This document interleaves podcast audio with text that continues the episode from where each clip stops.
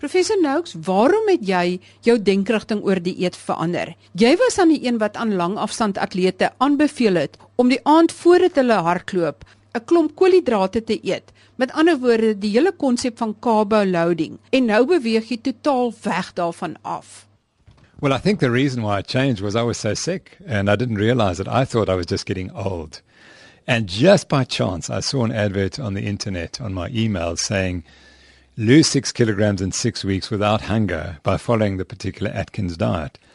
And I said, but Atkins was the killer. He made us eat fat and he killed the whole of America and the whole world, you see. So I thought, there's no way I'm going to follow the Atkins diet to lose weight because I felt that the time had arrived that I needed to lose some weight. And then I noticed the three authors, Westman, Volek, and Phinney. I said, but hold on, these are three serious scientists. Why would they be linking their credibility to a completely incredible person like Atkins? And I was sufficiently inspired that I went down to exclusive books, and within 10 minutes I'd bought the book, and I brought it home, and within an hour I read. It said there are 150 studies showing the benefits of a low carbohydrate diet. And I said, but hold on, I'm a biologist, I'm a medical doctor. I've never, ever heard of these studies. I knew they'd done studies of athletes, but I didn't know they'd done studies of health effects of low carbohydrate diets. And I said, it's astonishing. And the evidence is all here, and it's been suppressed or hidden. So I said, I'm going to try it. And I haven't eaten much carbohydrate since that moment. The health benefits were utterly, utterly astonishing for me. And for the first year, I didn't tell anyone, but they could see because I'd lost so much weight. Then, of course, they would start asking. And then the English media got after me and they asked some questions. And then everyone became interested. And then there was a television program with uh, Derek Watts. And that caused a huge furor, as you can imagine. Everyone said Noakes is now promoting a high fat diet, and the fat's going to cause our cholesterol to go up, and we're all going to die, etc. Waarom het jy die onwetenskaplike roete gevolg om 'n boek vir die algemene publiek te skryf pleks van om navorsingsartikels in 'n mediese joernaal of 'n vaktydskrif te publiseer? Well, that's a great question. You see, the reality is all the science has been done. It is there. Dr. Verlick, Finney, and Westman did the work. And there's a recent book out by Nina Teicholz called The Big Fat Surprise, in which she completely obliterates the diet heart theory. She goes back to the 1930s and 40s and 50s particularly, and looks at the evidence that has been proposed to support the idea of must eat a low fat diet. She says the evidence is not there. The science is appalling. And what happened was one man's opinion, Ancel Keys, became the dominant theme. And industry got behind it, and the US government got behind it, and all the funding agencies in the US got behind it. So the whole government in the US got behind this idea that a low fat diet was healthy and they promoted it. And anything that conflicted that was hidden. And so when I read that book, I realized that this evidence has been hidden. It is out there. There are clinical trials showing that if you go on a high fat diet, you reduce all your risk factors for heart disease, every single one. Whereas if you eat a high carbohydrate diet, and if you're like me, insulin resistant, you worsen all your coronary risk factors. So you have to ask, if the evidence is so clear, why were we not told? And Nina Teicholz in her book shows why it was hidden. It was the US government made an error. They took information that was not complete. There was no scientific trial ever on a low fat diet. There was no clinical evidence that low fat diets make us healthy. They brought out this global change. Unfortunately, because we're English speakers and we respect the Americans, we followed. Thank goodness some countries didn't follow, like France and Switzerland and Germany. So they're much healthier than the rest of us because they didn't change their diet. And the countries that changed their diets have had this wave of obesity and diabetes. So what Nina Teicholz shows is that there was absolutely no evidence for change. When I read what Westman and Volek and Phinney had done, and I read all the evidence, that this is a global movement. It's not Tim Noakes. It is a global movement, very strong in Sweden, growing in United States, growing in New Zealand, growing in Australia, of doctors who realize that we have been completely misled. And the reason why the population is unhealthy is because they're simply eating too much cheap carbohydrate and addictive sugars. So your question is very valid. Why have the studies not been done by me before I went public with this book? we should never have changed in 1972 and 77. because the point is you have to eat. You have to eat each day. You can't avoid it. And you must look for the best evidence. There will never be a perfect diet trial. It is impossible because you have to take people and put them in a jail and for 40 years feed them every day and control exactly what they do. That is the only way you can work out whether it's the diet that causes the ill health or it's something else. You cannot do diet studies in free living humans. And all the studies that have been done have been done in free living humans. But guess what? There have been three major trials of low fat diets costing in excess of $2 billion. Not one of them has shown any benefit whatsoever.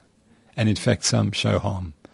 Because once you take fat out the diet, you replace it with carbohydrate and sugar, and that produces a whole stream of other problems.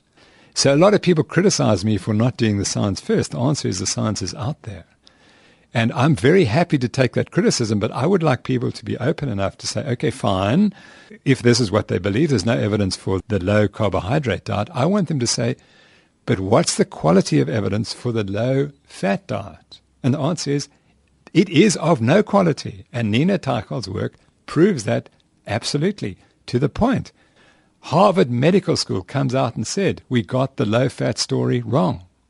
There are three major reports all the studies combined saying we got it wrong. Fat is not the cause of heart disease. Now, either we as South Africans say we are different and we don't have to listen to the rest of the world, and we're going to carry on telling people incorrectly that fat causes heart disease and fat makes us unhealthy and fat makes us fat, or we're going to open our minds and save the nation by saying, actually, there's no evidence for that let's rather look at the evidence that if we cut our carbohydrates, we'd be a whole lot healthier. Het dinge nie verkeerd geloop omdat mense pleks van om minder vette te eet, het hulle net boonbehalwe wat hulle alles eet, net meer en meer koolhidrate geëet nie. Het dit nie gemaak dat hulle totale aantal kilojoules net meer en meer geword het en dat dit tot die vetsug epidemie gelei het nie. The obesity pandemic is caused directly by the food processed food industry because what they learned was if you take fat out the diet, it tastes like nothing. Food tastes like cardboard if you take fat out of it. So they soon learned that if you added sugar, sugar is highly addictive. So instead of selling you 100 grams of carbohydrate, they could get you to eat 200 grams of carbohydrate. So that was the addictive sugar component, but there's another component that carbohydrates do not satiate. Carbohydrates make you hungry. So you're quite right that if you're eating a high carbohydrate diet, you will eat more calories than you need to. And that has been shown since the 1970s. So this was the unintended consequences. They said, if we take fat out the diet, we'll have no more heart disease and we'll have no more obesity. Because the model was too simplistic. They didn't understand you have a brain. And the brain determines what you eat and how much you eat. And they didn't understand that fat and protein suppress hunger and sugar and carbohydrates stimulate hunger. So from that moment that those guidelines came up, obesity went rampant throughout the world. We know obesity starts in 1980, not in 1970, not in 1960, in 1980, three years after the guidelines come out. And no one, but no one, will say, gee whiz, maybe we got it wrong. So what they say now is actually we weren't wrong. The people were wrong. The people were lazy. They suddenly became lazy overnight. In 1980, we went from a population that was vigorous, athletic, and lean to one that was lazy and all they wanted to eat was for this foods. And then no one made the point that it's the food that is the problem. That was the first point. The second point is that humans differ in their ability to metabolize carbohydrate. And we call that insulin resistance or carbohydrate resistance or intolerance. And it turns out, in my view, that about 70% of populations are insulin resistant. And there must be some biological reason for that. In our evolution, being insulin resistant must have allowed us to survive better. And the explanation would be simple. If you were eating a high fat, high protein diet, you need to be insulin resistant to survive if you've got no carbohydrates. And so the reality is that we've got these large populations who are insulin resistant. And the one thing they can't eat is carbohydrate. And then all of a sudden in 1977, we come along and say, eat lots of carbohydrate. So that overwhelms the body. And the biology is very, very simple. If you have insulin resistance, you will become fat, you will develop diabetes, you will develop obesity, you will develop high blood pressure, you will develop gout, And probably dementia and cancer are also linked. It's all there in the literature if you put it together. But because there's been this huge error that we've made, no one is prepared to change. And sadly, it wasn't medicine that made the error. It was the US government that made the error. And they will never admit the error. You know, the Minister of Health said that we should stop arguing, we should just give proper advice. Well, the reality is we have been giving advice to South Africans and they've got fatter. So surely the conclusion is that the advice is wrong. But we don't say that. We say the patients are wrong. But they aren't. If you have insulin resistant, you will become fat eating carbohydrate because it's a protective mechanism. And until you cut the carbohydrates, you will not have the brain controls to reduce your calories and allow you to lose weight. So until we change the advice, We've got to debate it and we've got to argue and we've got to hit heads together because what we're doing now is killing the nation. It is bankrupting our health services. We either find out what causes obesity and diabetes and dementia, or else we just build more hospitals and train more doctors to give ineffective drugs for diseases that the causes of which are known, but because we're too scared to admit it, we won't say, actually, we were wrong. And I'm the first guy who had the courage to say, I'm wrong. I'm sorry. I apologize. And I'm changed because I read the literature and it's all there. And until we get this vigorous debate going. So what's happened is I get demonized. They say I lost my mind. Well, that's ludicrous because I've got more evidence on my side than others have on their sides. Professor Nous, kan jy verduidelik hoe dit werk as jy sê dat die vet in jou het niks met jou bloedvatgesondheid te doen nie? Kan jy die biochemie verduidelik? As verhoogde cholesterolvlakke niks met hartaanvalle te doen het nie. Hoe verklaar jy dat iemand met familiele hipercholesterolemie met baie hoë bloedcholesterolvlakke op 'n baie vroeë ouderdom reeds verstopte bloedvate het en reeds op 20 of 30 of in sy vroeë 40 'n hartaanval kan kry. Well, if we go back to the Framingham study, which is the one that really gets the theory of cholesterol and heart disease going, all the Framingham study showed in the initial study was that for men under the age of 55, there was a link between the cholesterol level in the blood and their risk of heart attack. When they went back 30 years later, they had to revise that, and they found that for people over that age, there was no relationship, and in women, there was never a relationship shown. So if you look at the biological evidence in normal people without FH, the evidence that they presented was that for men under 55, there was a linkage, but in no other group there was. We now know, for example, at my advanced age of 65, essentially the higher cholesterols are healthier and the same with women. At our advanced age of over 60, higher cholesterols are protective against dementia and cancer. But we're not told that, whereas a low cholesterol predicts risk of dementia and cancer. So that was the first evidence. Then you see, when they brought Framingham data out, and then it became stated that your LDL cholesterol predicts heart attack risk, the next thing was to produce drugs that lowered it. And the initial studies of drugs that lowered cholesterol found no effect on mortality at all. And only when they produced the statin drugs in the 1980s did they finally have a drug which reduced cholesterol and reduced heart attack rates marginally in healthy people, but did not in fact impact on all cause mortality. So a person with a raised cholesterol taking a statin dies on the same day that they always would have but the diagnosis is different. It may not be heart attack, it could be cancer or something else. But all cause mortality is not changed. And in addition, you have to treat 140 patients for one to benefit. So the drugs are essentially ineffective. But unfortunately, industry got behind it and drove it. And medical students are not told that. Medical students don't understand statistics and what probability means and what risk is. They are told that cholesterol lowering drugs significantly reduce heart attack risk, which is true. If you take a million people, there will be a significant reduction. But for the individual, the effect is almost negligible. And that's what we're not told. Right. So if a drug is so effective in lowering cholesterol and is so ineffective in changing heart attack rates, you have to ask, hold on, maybe cholesterol is not such a good predictor of heart attack risk. And that is continually shown There's not one single study in the scientific literature which has directly linked the level of the cholesterol in the bloodstream and the damage to your arteries. And there's a paper out four months ago by Dr. Criqui in the Journal of American Medical Association where they look at the calcium content of the arteries of the heart, the coronary artery calcium volume, and they show that that is the best predictor of future heart attack risk. So if you have a high CAC volume, you are at a six-fold increased risk of heart attack. There is nothing else we can measure in a human that will tell us better what your risk of a future heart attack is. You can forget cholesterol. Cholesterol is essentially useless in predicting. Then you look at the data, and it turns out that people with high CAC scores, in other words, with a six-fold increased risk of heart attack, had no higher cholesterol than those people with no increased risk. The calcium CAC volume is measured in a scan, so you need to go and have it scanned. And I tell patients now who are really worried, who have a high cholesterol, for example, that you must treat your CAC score. And if you've got a high CAC score, then I'd be concerned. Now, come back to your point about FH. It turns out that there are many people with FH who do not get heart disease, but they missed because they're not seen in the population.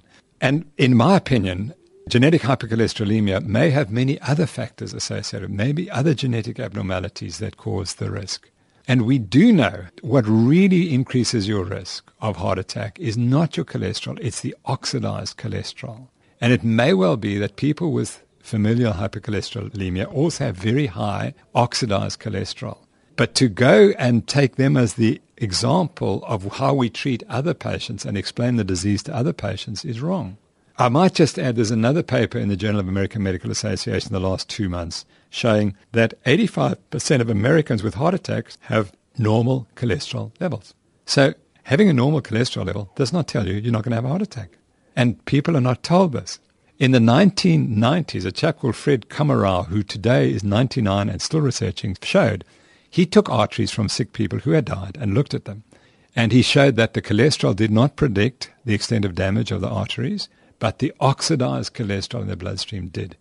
And he showed that the oxidized cholesterol elevates the content of sphingomyelin in the arteries, and the sphingomyelin causes calcium to enter the artery plaque and cause damage.